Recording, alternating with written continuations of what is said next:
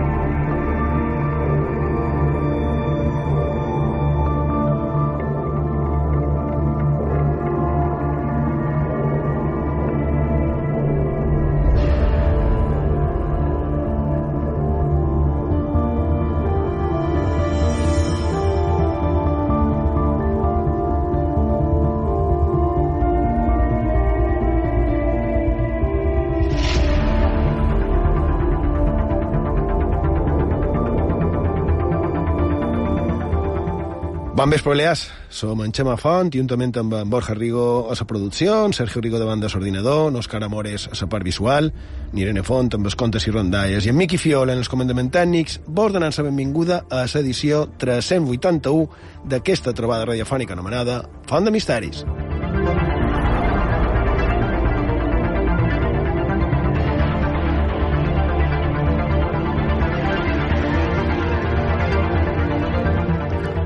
vespre, Borja Rigo. Bon vespre. Sergio Rigo, bon vespre. Bon vespre, Xema. Bé, jo crec que podríem fer sumari directament i comencem.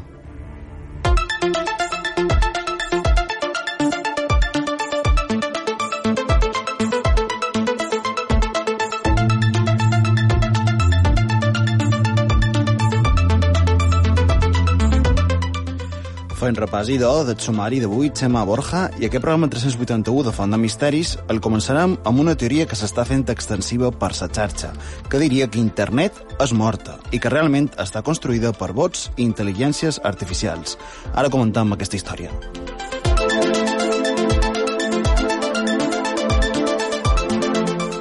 A continuació escoltarem a Irene Font amb els seus contes i rondalles.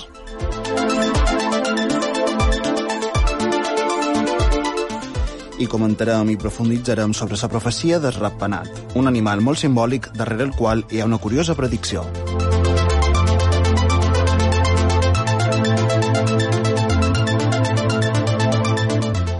I com cada setmana mos podeu enviar tot allò que vulgueu en els nostres mitjans de contacte. Ho podeu fer per WhatsApp i Telegram. El número de telèfon és 659 1669 52. Ho repetim, 659 1669 52.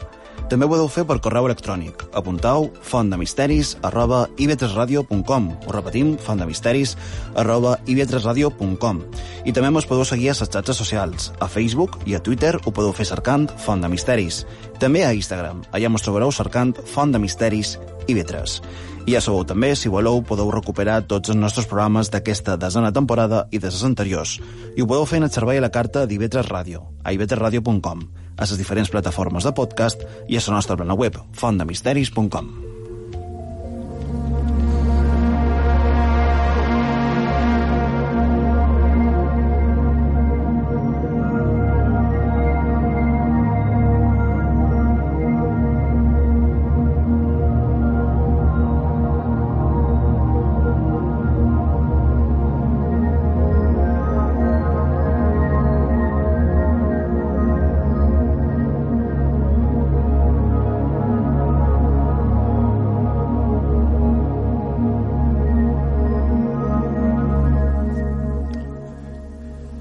Això de... Ara justament eh, l'informatiu una, la nostra companya na Laura ha comentat eh, la possibilitat no, de falsa bandera. Això de les teories conspiranoiques, que, que fins fa poc era, era motiu de befa no? I, de, i de mofa, és una d'aquelles coses que crec que amb el temps es prenen, es van prenent de manera més seriosa. Evidentment que hi ha teories que no tenen massa lògica, que no tenen massa, massa sentit, encara que en Borja sovint li vulgui treure i donar, no? Clar. Però n'hi ha d'altres que pot ser que en el darrere tinguin molta més realitat del que sembla. Mm? Dit això, Sergio, avui vols parlar d'una d'aquestes estranyes teories que podríem tal vegada ficar dins el món de ses conspiranoiques, no? I de avui, Xema, volíem xerrar d'una teoria conspiranoica que, per lo vist, no és nova, però darrerament torna a agafar força precisament a internet. I deim precisament a internet perquè a internet, o la mort d'aquesta, és la protagonista.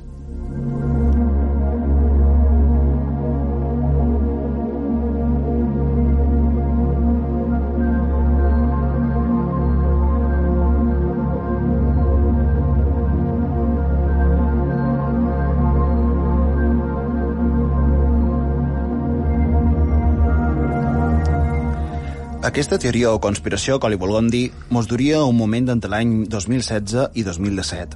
En aquest moment, segons un usuari, o com es nom, Illuminati Pirate, va crear un fil a, un, a una xarxa social dient això. He vist els mateixos fils, les mateixes fotos i les mateixes respostes publicades una vegada i una altra al llarg dels anys fins al punt que el veig com una cosa normal el govern dels Estats Units està participant en una guerra psicològica impulsada per la intel·ligència artificial de tota la població mundial.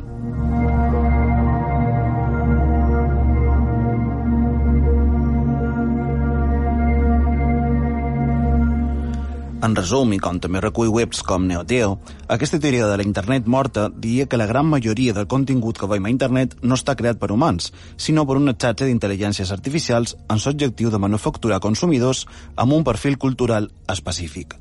I d'una cosa, per lo vist, que realment tots sabem i, no perce i percebem, segons aquesta teoria.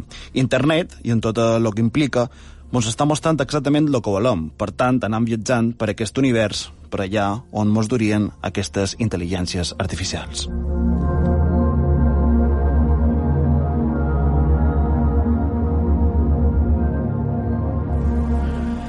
La blana web Neoteo posa un exemple molt clar que podria justificar aquesta teoría. Un tweet se vuelve popular y en cuestión de segundos un ejército de cuentas procederá a hacer retweets sin parar, o peor aún, publicar una variante del tweet original buscando likes.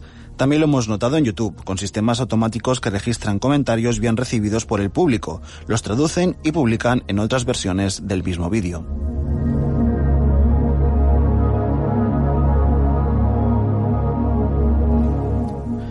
Altres arguments que defensen la teoria que actualment està feta per intel·ligències artificials o bots posen d'exemple la possibilitat que actualment ja existeix de fer, per exemple, deepfakes, tan reals que ja no se distingeixen a la persona de la creació artificial. També és en el cas de, per exemple, com hem vist aquí a Font de Misteris, de crear música, no? Tot això, per tant, per als defensors d'aquesta teoria, argumentarien que si internet en realitat no estaria fet per ningú real, sinó per aquests bots. Què trobeu?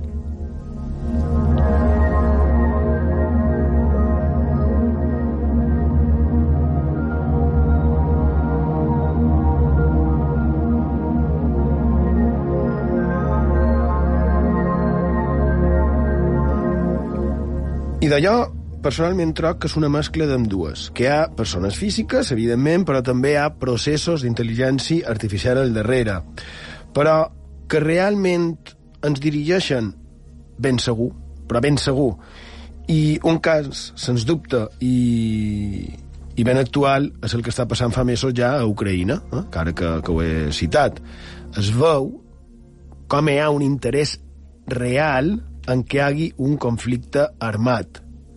Així que la informació i la desinformació va en aquella direcció. I en el final, clar, la cosa acabarà esclatant, no?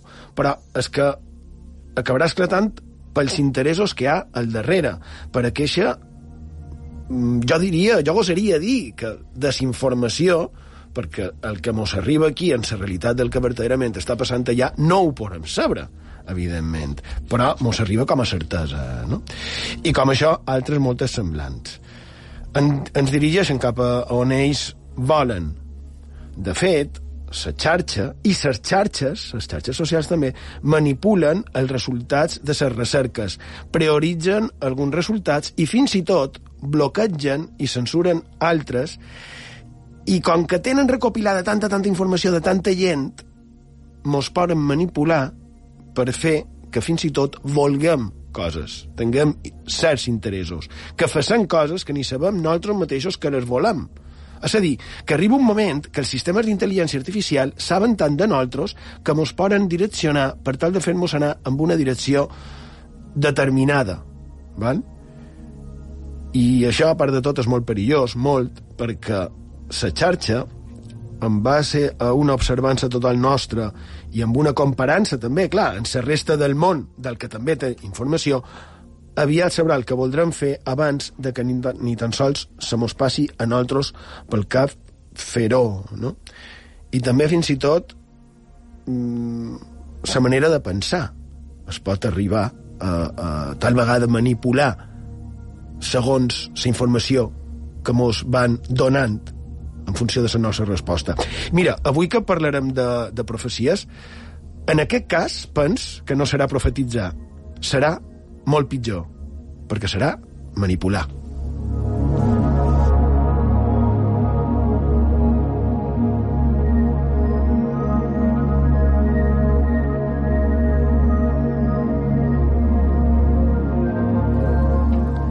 Ah, i tots aquells que pensau, com jo pensava, no? I allò que més m'adona, que me vigilin, que sàpiguen el que, el que faig o deix de fer, el que miro o deix de mirar, perquè al cap i a la fi no tens res que amagar. I de, el problema real és que no és que sabin el que fas, és que arribaran a saber el que vols fer o a interferir, com deia, en la teva manera de veure les coses. I això ja és molt més perillós. I arribarà, perquè de sempre s'ha cercat la manipulació de la informació i del coneixement. No? Jo crec, Sergio, que, que és molt interessant en el, en el principi semblava que era una cosa així, una cosa d'oiuda, una bajanada, però crec que és molt interessant i ja dic, molt perillós. No sé, Borja Rigo, en Borja Rigo està prenent notes, no sé si està prenent notes d'això, o si és que li vol donar qualque missatge en Miqui, però... No, estic, estic prenent notes perquè me passen moltes coses pel cap i, i se m'obliden després. Uh, estic en part d'acord amb, que, amb el que dius. Evidentment, uh, la xarxa no és exactament com, com en Sergio contava, segons aquesta, aquesta teoria conspiranoica, la xarxa no és morta. No tots són intel·ligències artificials fent feina. Ja bé, això, uh, això és evident. Això és evident. Mentre hi hagi una sola persona connectada que fa coses per si mateixa, la xarxa com a tal existirà. No, bé, això està clar. Això s'hauria de deixar, de deixar clar. D'altra banda, lo de orientar-nos, això que comentaves fa un moment, orientar-nos a, a coses que no sabien que necessitàvem, o que no sabien que, que existien. Això tampoc té... És, és cert, però no té res d'estrany ni és nou. Ja, dir, ja, ho, ja ho he dit, es... però mos pensam que ara eh, tenim tota la informació i som més lliures que mai es... i amb més capacitat de, de decidir el que volem i el que trobam que és millor, etc. i després resulta que no, que mos estan manipulant probablement molt més, molt més Clar, que abans. És una, és una tècnica de màrqueting que se diu marketing inbound, màrqueting de continguts, que se tracta de vendre no en el producte, sinó creant emocions. Sí, però jo no t'estic parlant de tècniques de venda. És a dir, jo no és una cosa de... que, sempre, que sempre ha existit eh, i ara, evidentment. evidentment, està aplicat a la xarxa i és molt més fàcil que abans per, per lo que dèiem. És a dir, si tu fas una recerca, que també és lògic que t'apareguin coses eh, perquè tu les estàs cercant, no, no, no apareixen per generació espontània, després sí, evidentment, després ja sí que hi ha uns algoritmes que fan feina per això, però és que tampoc és tan, tan estrany ni, ni, ni per ventura tan dolent segons com ho enfoquis. Bé, mira, uh, tota la moguda que va passar en el Capitoli de Washington dels Estats Units, posa aquest exemple perquè mos queda en fora i va ser una cosa molt dit i fet, molt ràpida, tant de començament com d'acabada, i que en en Sergio com a historiador contemporani és un tema que li agrada i que han comentat diverses vegades, sí. va ser un cas que jo crec que és un exemple perfecte de quina manera van aconseguir, mitjançant les xarxes, remoure tota la cosa perquè acabés amb una mena de salt en el capitoli del govern de, dels Estats Units, que a més va acabar censurant el compte del propi president del, dels Estats Units d'aquell moment. És a dir, mira si hi ha possibilitat de manipulació. Clar, clar que l'hi ha. O sigui, ho agafis per la, gran, agafis. la gran diferència és que ara és més immediat. I d'això... Perquè I, previ a les xarxes socials, i, i previ tant... a l'internet conegut, quan només existien els mitjans de comunicació tradicionals, Clar, però tu ja també la informació se dirigia a un canal o un altre. Clar. I no deixava de ser el mateix, però en menor escala. Però tu ja sabies, és a dir, si tu agafaves, ara per, per exemple, que fa poc s'ha posat a l'abast de, de tothom l'Obrero Balear, per exemple, uns, uns diaris de fa 100 anys, tu si, si agafaves l'Obrero Balear l'any de 8, ja sabies quin, quin era el color, però tu no t'imagines que els tuits o el que sigui que t'arribi puguin tenir un color eh, predisposat per, per, per parlar una miqueta en abstracte. Saps què te vull dir? Tu ja ho sabies. És a dir, no, no, no se li ha de donar moltes més voltes perquè en mitjan de comunicació clàssics, com tu dius, i fins i tot a dia d'avui. Tu saps que si llegeixes un, té un cert caire i un altre en té un altre abans ho estaven comentant de, de companys eh, periodistes. Totalment. I, per allò ve a ser el mateix. És a dir, per allò sí que hi ha eh, un perill però no crec que internet sigui morta. Nosaltres cream continguts a internet a fondemisteris.com i, i no hi ha res estrany al darrere del que nosaltres fem. Estem al darrere. Uh, uh, sí, al darrere hi ha persones. Mentre, sí. mentre nosaltres mantinguem la consciència de que som éssers humans i no, i no màquines. Exacte. Bé, si és que no ho hem dit, un bot ve a ser com una mena, com si fos una maquineta que ho fa, no? És un programa informàtic que respon automàticament segons unes directrius prefixades, no? També en els russos se va acusar d'haver manipulat a la població per les eleccions també crec que dels Estats Units. O sigui, m'imagineu si realment pot haver manipulació fàcil i directa quan tots mos pensam que, que som més lliures que mai, no? Uh, crec que és digne de, Bé, de reflexió. Supos, supos que és el preu que volen pagar per ser contemporanis no és que el vulguem o no el vulguem pagar, és el preu que estem obligats a pagar tal vegada per ser contemporanis. Per ser molt interessant estar Zero, com he escoltat, com ha fet anar la meva infantassa. Ah, sí, clar. Sí, sí, sí perquè ja, ja, no és, ja, ja no és contemporani. Sí, ja no és contemporani. Sí, ja, ja, és, ja és prehistòric, ju, els ruters, davant de... Els modems de, Exacte. de 90. Exactament. En el, el bors, no? en el començament, en el naixement de l'internet, eh, podem dir que domèstica, no? Crec que és molt interessant això que, que has comentat i que podríem aprofundir mm, amb el nostre tecnòleg de capçalera, amb en Juan Cervera, que qualque dia mm, podria venir a parlar-nos ell de, de què ha, se, se podria, segons ell, darrere de tot això. Clar. Se podria deixar caure. Seria, sí, seria interessant. Seria bastant interessant. I d'això, que en qualsevol cas, que anem alerta i que no mos creguem tot el que mos posen a davant.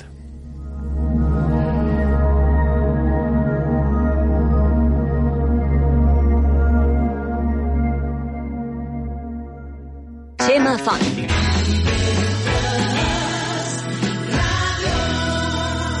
Font de misteris. Aquesta és una comunicació del govern de les Illes Balears. Des de l'inici de la pandèmia, més de 200 menors han hagut de ser hospitalitzats a les illes. És un fet. Els més petits també tenen contagis greus. I com més vacunes, menys ingressos hospitalaris. Si el teu fill té entre 5 i 11 anys, vacuna'l.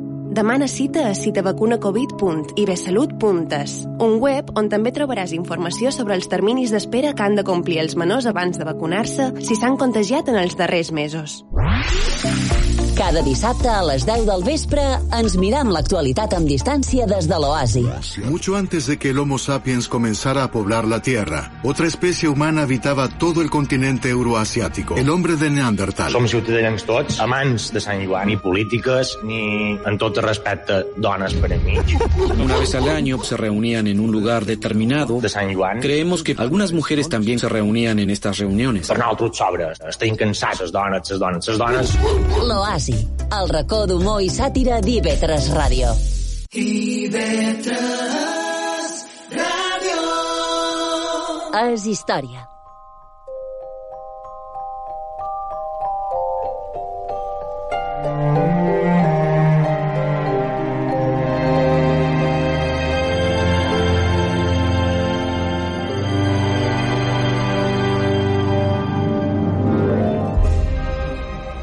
Seguim a Font de Misteris, a sintonia d'IV3 Ràdio, la ràdio pública de les Illes Balears. A Menorca mos podeu trobar en el 88.6 de la freqüència modulada i anem ara, com cada dissabte, en la secció que nosaltres anomenem Contes i Rondalles, on Irene Font cada setmana mos du qualque llegenda, qualque rondalla, que, que per motiu que sigui li hagi cridat l'atenció. Bon vespre, Irene. Bon vespre, Xema. Què mos dus avui? Bé, avui, per al Contes i Rondalles, s'enduc una dels llibres Barruguets, Familiars i Follet, d'en Joan Castelló Guasc, editat per l'Institut d'Estudis Eivissencs i que du per títol Els dos borruguets. I tal vegada és el clar exemple de que en equip les coses poden sortir millor, o no?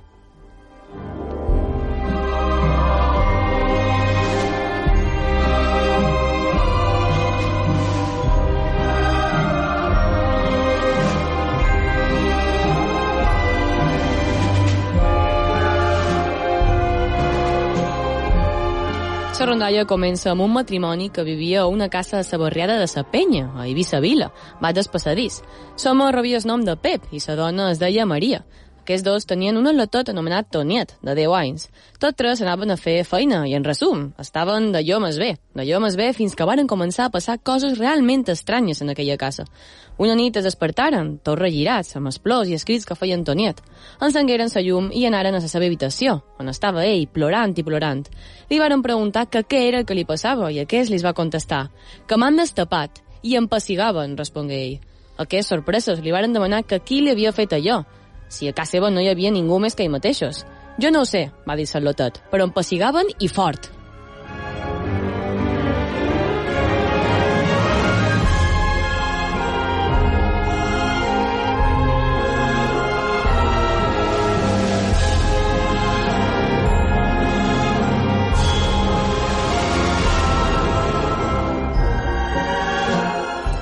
El pare estava convençut de que allò que li havia passat al seu fill havia estat un somni, així que li varen restar importància. Varen anar-se'n tots a dormir. El següent vespre res va passar, fins que al cap d'un dia, al matí, quan s'aixecaren, es varen quedar amb els cabells drets de veure com s'hi havien posat la cuina. No hi havia res en el seu lloc. Les solles trabucades, la cafetera cul amunt, la sal per en terra, les cadires allegudes, la taula en el balcó, un desfet de temps. En Pep i na Maria quedaren mirant-se, sense dir-se'n res, fins que sa dona exclamà «Això és que tenim un barrugot a ca nostra!»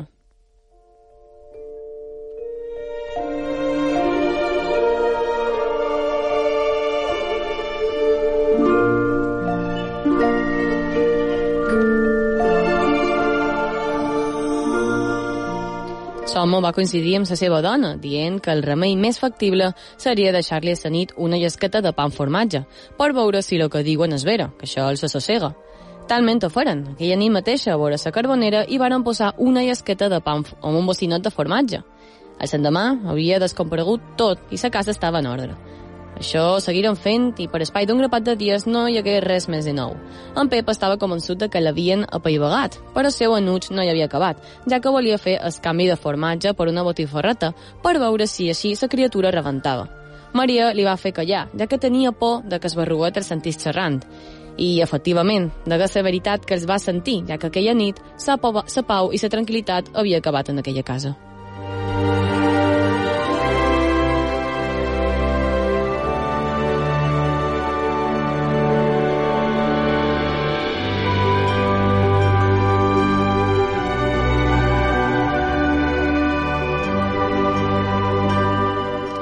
Cada nit Antonieta es despertava i plorava perquè el passigaven i les tapaven.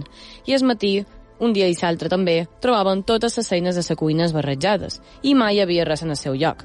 Tan aviat compareixien les tisores dins el fornell, com trobaven les agulles despassades de la calça que feien a Maria. Ja no hi havia pa amb formatge que hi valgués, fins que ja avorrits resolgueren mudar-se de casa i per sort d'ells varen trobar una, allà al cap de tot el carrer de sa Mare de Déu, vora la torre, s'hi mudaren de dia, ja que suposaven que el barruguet estava dormint. I el darrer de tot, veus aquí que s'adonaren que havien deixat la granera, que era nova de trinca, i no varen tenir altra idea que enviar Antonieta a cercar-la. No importa que hi aneu, varen sentir que deia una veueta. Jo ja la duc. I veren la granera que, ella tota sola, a tres pams dels graons, pujava escala amunt, tot de pressa. El que no varen veure va ser esbarrugot, però s'hi varen sentir una rialleta molt fiscosa que acompanyava la granera, fins que la tingueren dins la casa. En Pep i na Maria ho sentien, ho veien, però no s'ho creien.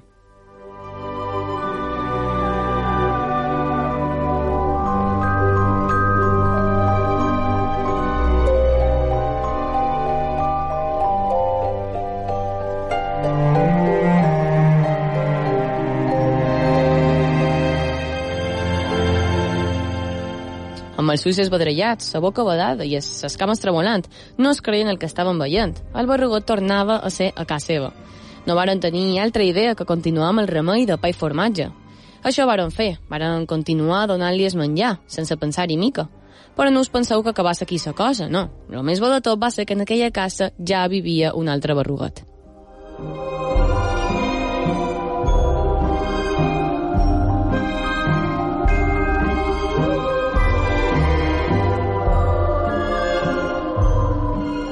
Aquella nit varen armar un rebombori. Si un era entremaliat, l'altre encara ho era més.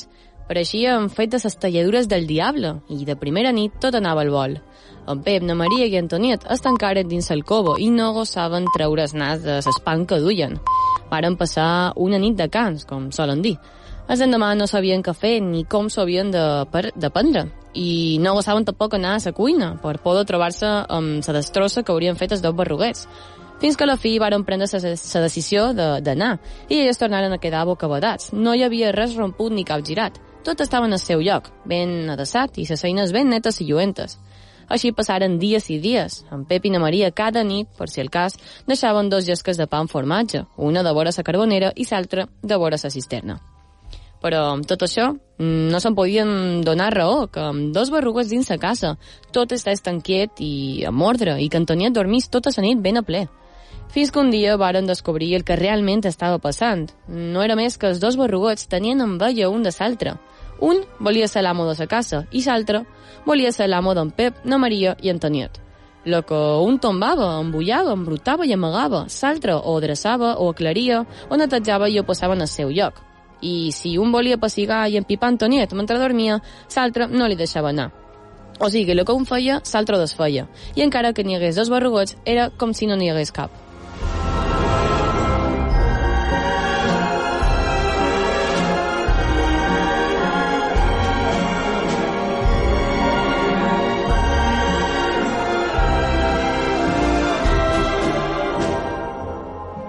Passàs temps i una nit en Pep, per veure què feien. Només va deixar una llesqueta de pa i formatge a la mateixa distància de la carbonera que de la cisterna. I no vulgueu saber la baralla que feren per menjar-se-la. En Pep i na Maria s'ho varen prendre per riure. Cada nit la llesqueta era més petita i la baralla més grossa. Fins que els dos barruguets volen veure que se'n reien d'ells. I com que cap dels dos volia deixar el camp lliure, l'altre acabaren per posar-se d'acord i se n'anaren tots dos d'aquella casa. I n'hi ha que diuen que una nit es varen veure dos barruets a la vora de la mà, baix de la penya, amb dos poals. Un parava seu, l'altre li amplia, i aquell el tornava a bocar.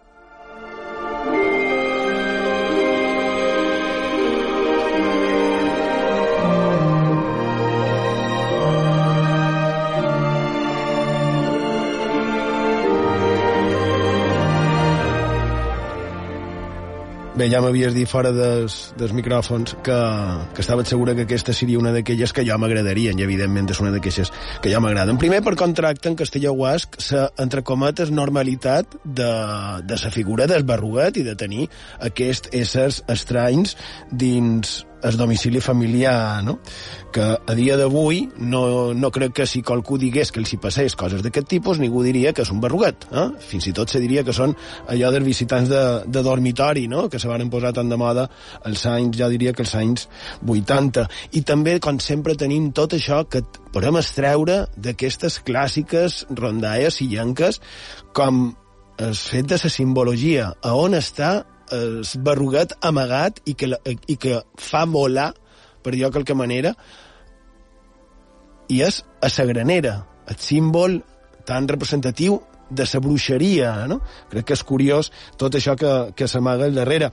Uh, com és curiós també, arriben un pacte, li donen pa amb formatge. Tothom sap, segons, evidentment, l'imaginari, el llegendari, que el pa amb formatge eh, pues, mos pot servir per tranquil·litzar en els barrugats.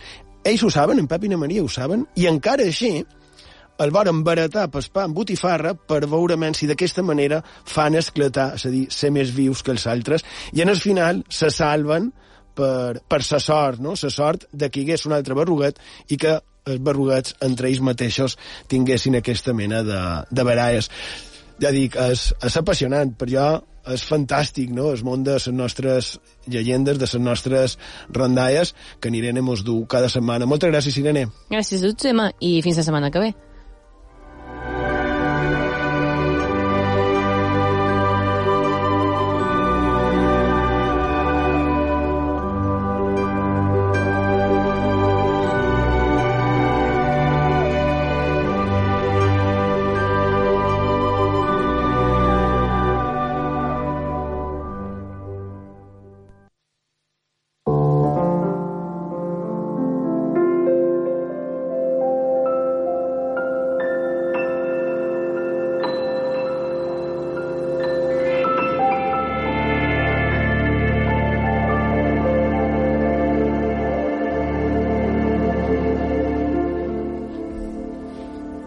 Ara amb el tema que nosaltres deim el tema principal eh, del programa. Ja fa unes setmanes que parlam de, de profecies, de diferents, ja vaig dir que perquè tanmateix és un tema com un altre, i vos dic que certament podríem haver estat tota la temporada només amb això. Però avui acabarem en principi amb aquesta sèrie no, damunt d'aquest tema i ja sé que ja, ja ho reprendrem més, més endavant i avui seguirem una mica amb el que varen dir la setmana passada. Ja sabeu que, com sempre, el teniu en el sistema a la carta d'IB3 i també a la nostra plana web, a fondemisteris.com. I, I seguirem perquè n'hi ha moltes, i, i, i, però moltes, referides en el tema dels papes i les profecies, que és el que ja vàrem adelantar que comentaríem. De fet, ja van contar qualcuna com pot ser el cas d'aquesta curiosa història que estaria vinculada en el concili de Letran, en el cinquè concili de Letran organitzat per Juli II, que va ser aquell papa que va destacar, entre d'altres, per la seva beligerància, principalment contra els Borgia, i damunt d'això volem parlar ara mateix. Què va passar en aquell concili, Borja Rigó? Sabíeu que en el concili de Letran que se va celebrar l'any 1515 se va parlar precisament de profecies? Degut a la influència d'un teòleg del segle XV, en Jean Gersan, se va plantejar la idea de que els somnis fossin missatges enviats per Déu. Per això, se va instar en els capellans a que demanassin sobre aquest tema als seus fidels durant la confessió. Posat ja en context, de lo que volia parlar, anam una miqueta més endavant, si voleu, en es, en temps. De vés l'any 1580 se va començar a fer popular a Madrid, a l'Hospital Anton Martín, un home que se feia dir Juan el Bautista. Deia sentir veus que l'avisaven de que Espanya seria invaïda pels turcs i que hi hauria un nou rei, a qui li deien l'encubierto. Aquest encubierto no era sinó, segons ell mateix deia, un ex-soldat d'Estersos, gran mestre en s'espasa, que nomia Miguel de Piedrola. Deia que durant l'invasió s'amagaria dins una cova amb els seus seguidors i en haver-se acabat seria triat rei per votació.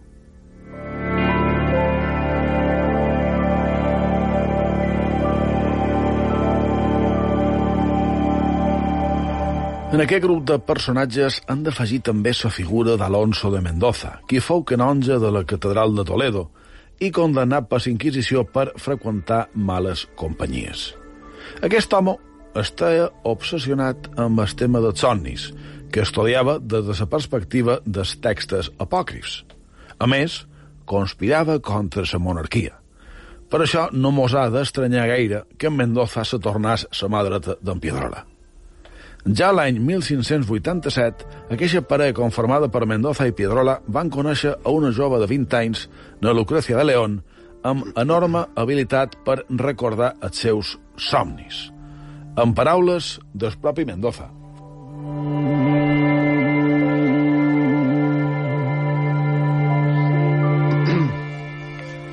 Tenía la memoria tan fija no solo de las cosas que ve en general, sino de las palabras que lo dicen y particularidades que ella nota en las personas, que vean sí en las facciones de los rostros, trajes y colores de los vestidos y figuras de los animales, traza de los edificios, disposición de los ríos, montes, árboles, ciudades, castillos. En els poc temps, les visites dels homes a Cana Lucrecia se varen tornar diàries. Entre tots tres repassaven i prenien nota dels somnis de la dona, Així se va fer un llibre de més de 1.000 pàgines on se va arribar a analitzar més de 400 somnis o profecies com ells pensaven. Aquestes profecies parlaven que durant el regnat de Felip II una plaga de mosques i llagostes invaria la cort. Els llops, els bous i tota casta d'animals salvatges passejarien lliurement per tot Madrid, comandats per una dona guerrera que aniria damunt un bou.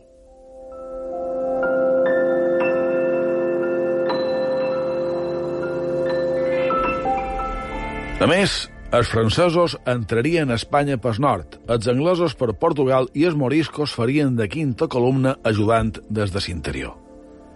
Per tractar de salvar sa vida, el rei Felip II miraria de fugir, però el matarien a Toledo. A més, i filat en les idees de Miguel de Piedrola, durant la invasió, tant ell com Lucrecia s'amagarien unes coves i se casarien. Encara que tot això soni una mica, o molt, a desbarat, no Lucrecia va arribar a tenir nombrosos seguidors i, clar, donat el caràcter obertament conspiranoic de les profecies o somnis, finalment la monarquia, mitjançant, en aquest cas, la Inquisició, va intervenir. El procés contra en Mendoza i na Lucrecia va començar el 4 de juny de 1590. En Piedrola, que encara no ho havia dit, havia profetitzat també la mort del papa, ja havia estat tancat en 1587.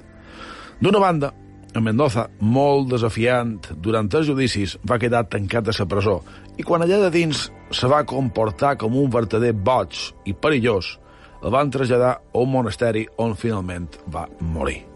Per altra banda, na Lucrecia, que sempre va negar totes les acuracions i que tots aquests somnis que apareixien en el llibre eren seus, fou considerada culpable de blasfèmia, de cultivar les mentides i de pactar amb el dimoni.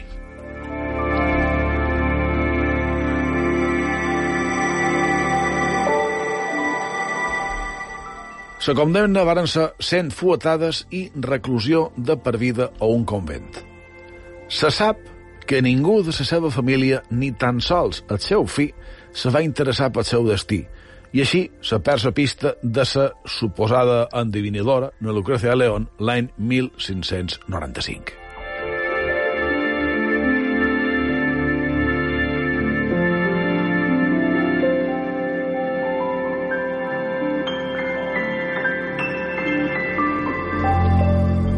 I doncs, sembla molt curiós perquè precisament, i crec, Borja, que et sorprendré, amb una casualitat, perquè aquell 1590, 1595 va ser, si no va xerrat, el primer pic que es varen publicar, ja que estem parlant de papes i profecies, aquell any va ser quan es publicaren les famoses profecies dels papes. S'estan conegudes, i jo diria que durant tant de temps temudes, les profecies de Sant Malequies. Eh? Ja dic que, com a mínim, és curiós.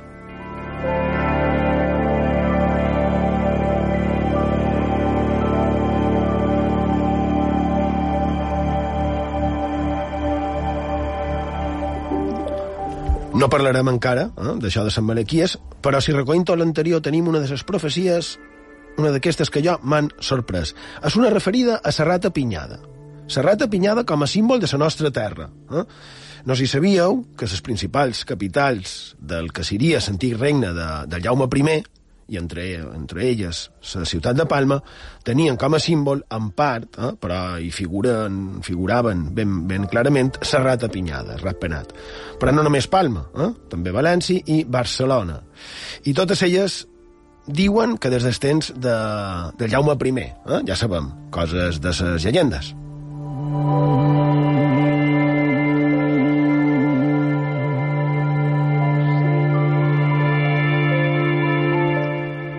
El cas és que vaig trobar una profecia molt curiosa, a la que vaig arribar per la seva relació amb les, amb les nostres illes, i que me va sorprendre, i, i clar, per això la vull comentar, evidentment, perquè me va sorprendre.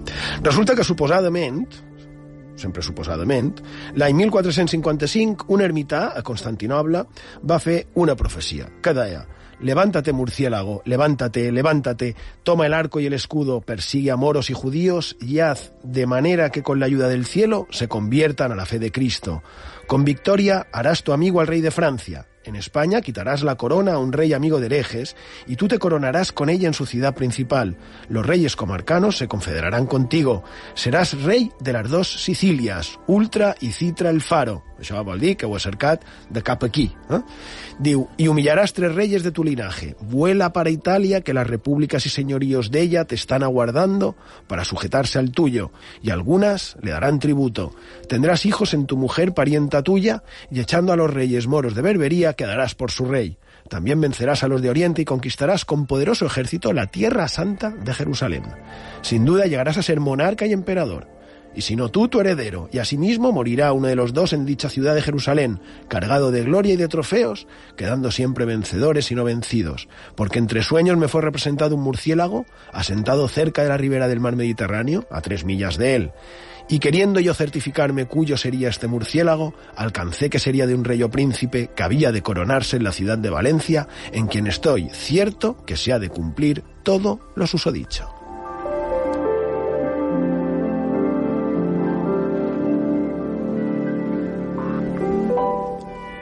Fins aquí profecia que, com era, suposadament, sempre de 1455. Així doncs, si era de 1455, no pot estar vinculada, lògicament, en el rei en Jaume, que és el primer que, que pensaríem, més que res perquè feia més de 150 anys que era mort. Però, així doncs, a qui es podria referir? I de, a un d'aquests llibres vells, llibre de la història de la insignia i coronada ciutat i reino de València, digitalitzat per Google, coses bones que té internet, i de, tenim que diu, referit en aquesta suposada profecia, diu La verdad de ella la remitimos al tiempo, que es el intérprete de las profecías y pronósticos. Por ahora, como a ciegas digo, que considerando que el año que salió esta, que fue el de 1455, acertó a ser coronado en Roma el Papa Borja, llamado Calisto III, hijo del murciélago y de este reino de Valencia, y que también era ya nacido y jurado por príncipe don Fernando, que después fue llamado el rey católico, a quien pertenecía la divisa del murciélago, como a señor de dicho reino. Me atrevo a juzgar que la profecía hablaba con uno de los dos, o, atención, això, que és molt simpàtic, con los dos conjuntamente.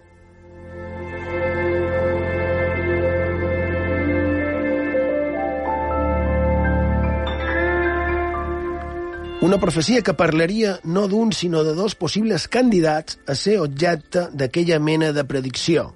Eh?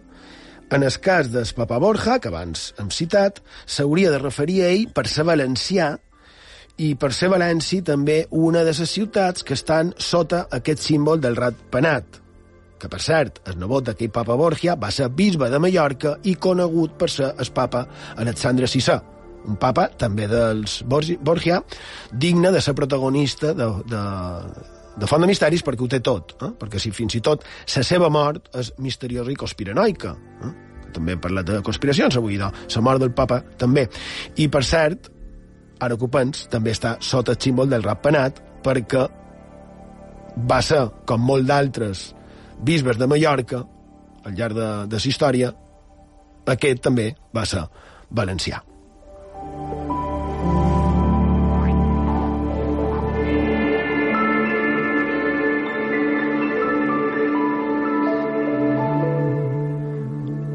Anava a midar que aquesta profecia podria derivar del papa, Carista III, a un rei, a Ferran, eh, a Ferran és catòlic, i diu d'ell, referit en els punts que he citat abans de sa, de sa profecia, que no els repetirem. Diu, y hará poco en darme crédito el que se acordare haber sido este rey, el que trajo tan grande antipatía con moros y judíos, que no paró hasta sacarlos de España y hacerles tomar nuestra ley a los que se quisieron quedar. Este mismo se hizo gran amigo del rey Ludovico de Francia por medio de la victoria que de común alcanzaron contra Federico, rey postrero de Nápoles. Después, echando al francés de este reino, se quedó solo y absoluto rey de las dos Sicilias y reinos de este y del otro cabo del Faro. A un rey moro, enemigo de Dios, que de la inundación de los africanos que quedaban solamente en Granada, le despojó de su estado y llegó a coronarse en su ciudad, Granada. Con los reyes comarcanos tuvo alianza y de su propia sangre humilló a tres que fueron al de Portugal sobre la pretensión de los reinos de Castilla, al de Navarra sobre quitarle el reino y a Federico por lo de Nápoles hasta desnudarle del todo.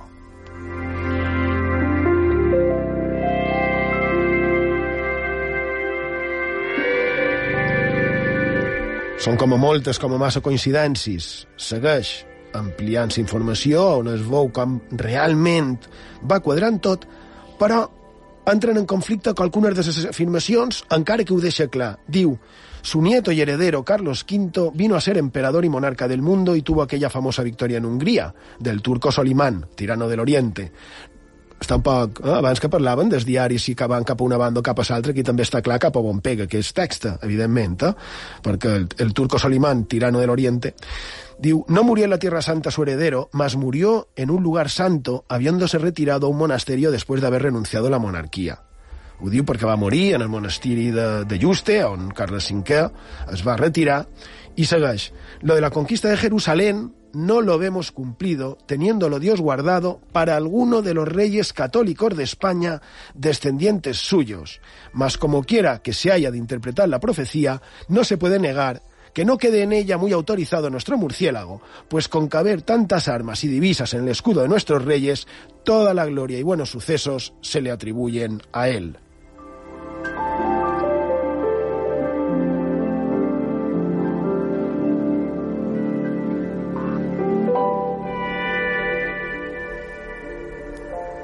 Tot s'ha diu, a excepció del que de Jerusalem, diu teniéndolo Dios guardado para alguno de los reyes católicos de España descendientes suyos. Això se va escriure a la segona meitat del segle XIX.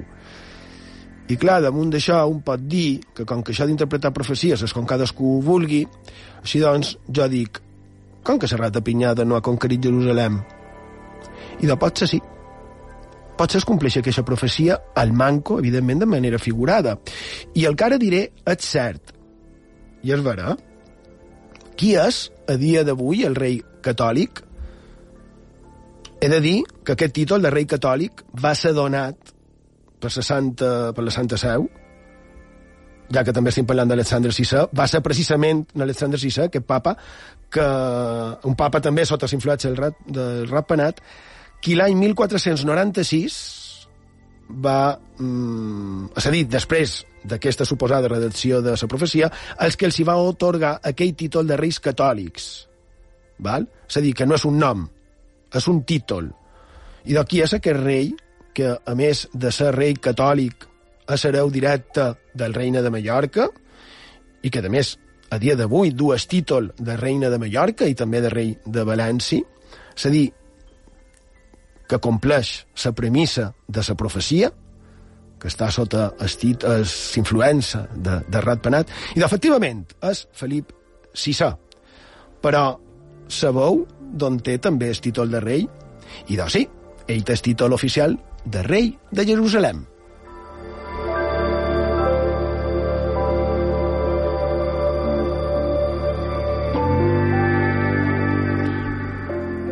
Així de, qui sap, pot ser que aquesta profecia de 1455, reinterpretada a mitjans, a la segona meitat del segle XIX, pot ser que s'hagi complit en la seva totalitat?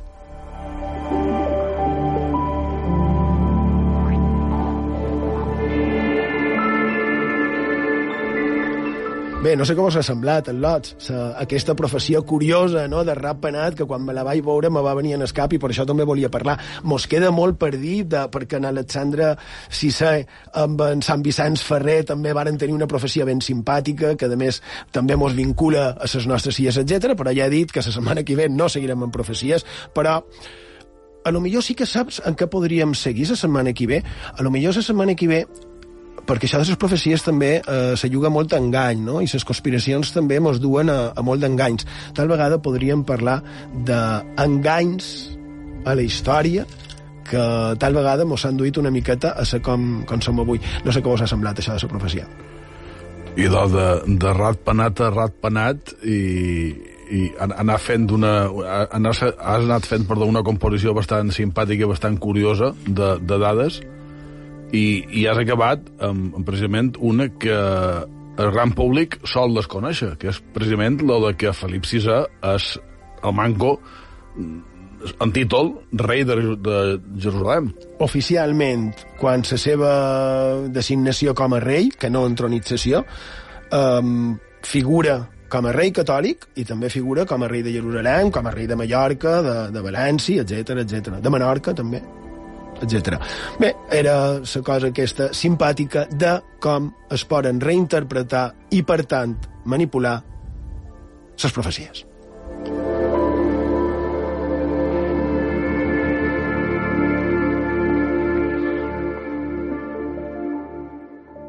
Xema Font.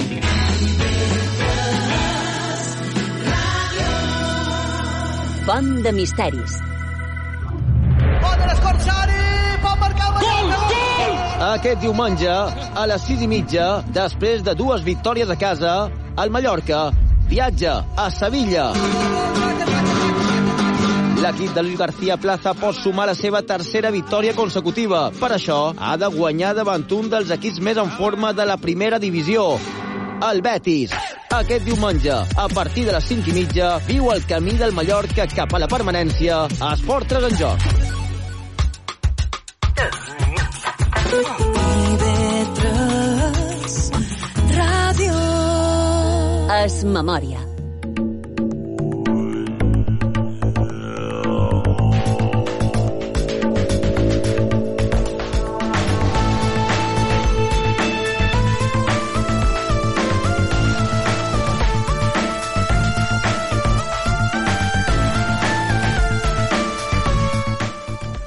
I hem arribat a la fi del programa d'avui. Esperem que heu passat una estona agradable i que hagueu pogut treure qualque cosa de profit d'aquesta font de misteris.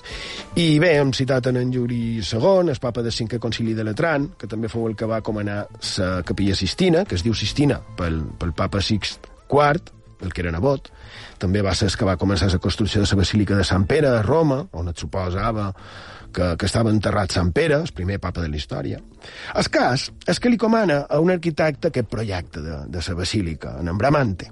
En Bramante li prepara un magnífic projecte que li entrega les dependències papals on anar acompanyat del seu fill de, de 12 anys. I aquest papa, en Juli II, conegut com el papa guerrer, per la quantitat de guerres en la que es va ficar, a part de la beligerància amb Esbòrgia, també aplicar impostos, també venta d'indulgències eh, per aconseguir els seus propòsits de, de grandesa. Jo me l'imagino, jo me l'imagino, com un home presumptuós, egòlatra, prepotent. Els cases que en Bramante acudeix amb el seu fill petit a entregar-li el projecte en, en el papa i els hi fan esperar a la cambra de vora. Jo supos que el nin aquell devia estar estupefacte veient l'imponència de tot el que ja hi havia, les dependències papals d'un papa com aquell, les podem imaginar, i mentre amb els nervis propis de si els acceptaven o no aquell projecte, no? que els hi podria canviar la vida, fins que els que hi varen anar a cercar i els diuen, diu el papa que entreu, que vos espera. Bé, entren, el nin de la mà de son pare, en, Juli II li diu que sí, que endavant, que faria en realitat el projecte a la Basílica de Sant Pere, i com a forma de pagament, ja dic que devia ser un presumptuós i un prepotent, li diuen al nin que fiqui sa mà un arcó que hi havia allà ple de monedes d'or i que agafés grapada, que aquella seria se paguen al seu pare per sa feina. I què fas, nin? I d'estant de sa mà de son pare, imaginant l'escena, es posa així com a darrere d'ell, molt aferrat en el seu pare, com si estigués avergonyit, així mig mirant des de darrere del pare, i li diu, disculpi, però és que a meva me tenen prohibit agafar d'obves que no siguin meus, i molt mancos si són de la seva sentitat. El papa fa una gran rialla, podem deduir estentòria, no? I li diu, no et preocupis, eh? ben dit, ja el s'agafaré jo va pegar grapada, li donen en Bramante, nou arquitecte de la Basílica Sant Pere, i li diu que comenci la obra. Surten d'allà, i el pare i el nin comenten la jugada, i el nin li diu, no et confonguis, mon pare, el verdader motiu pel que no he estat jo que ha agafat, que ha agafat les monedes, que ha pegat grapada, és perquè el papa té les mans més grosses que jo, i així mos ha donat més monedes. Diuen que aquesta anècdota és verídica, i si no tant se fa, no? Però que crec que mos pot servir en aquestes utopies de gairebé la mitjanit del 17 TV3 Ràdio, per recordar un poc que tal vegada mos convendria ser tots una mica més humils i no creure'ns no, tot el que mos posen davant, perquè tal vegada no sigui per nostre benefici, que tal vegada el que tens davant, el que realment vol és fer-te sa punyeta, i tu dins la teva prepotència no te n'adones, no? perquè només cerques la teva grandesa, la teva supèrbia. I, sabeu, al final, ja ho hem dit qualque vegada, però és que la mortalla no té butxaques. Bé, d'en Ringo Starr, soc el més gran, I'm the greatest. Allí, Pau, bona nit. Gràcies per la vostra companyia. Fins la setmana que ve.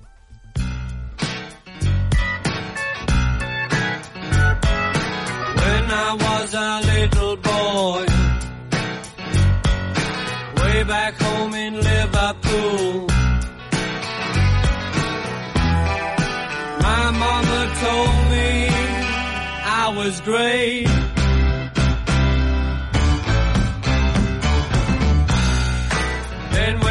was a teenager, I knew that I had got something going.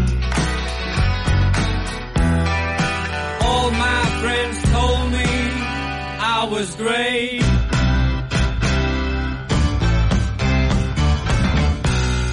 And now I'm a man. A woman took me by the hand. And you know what she told? Was great.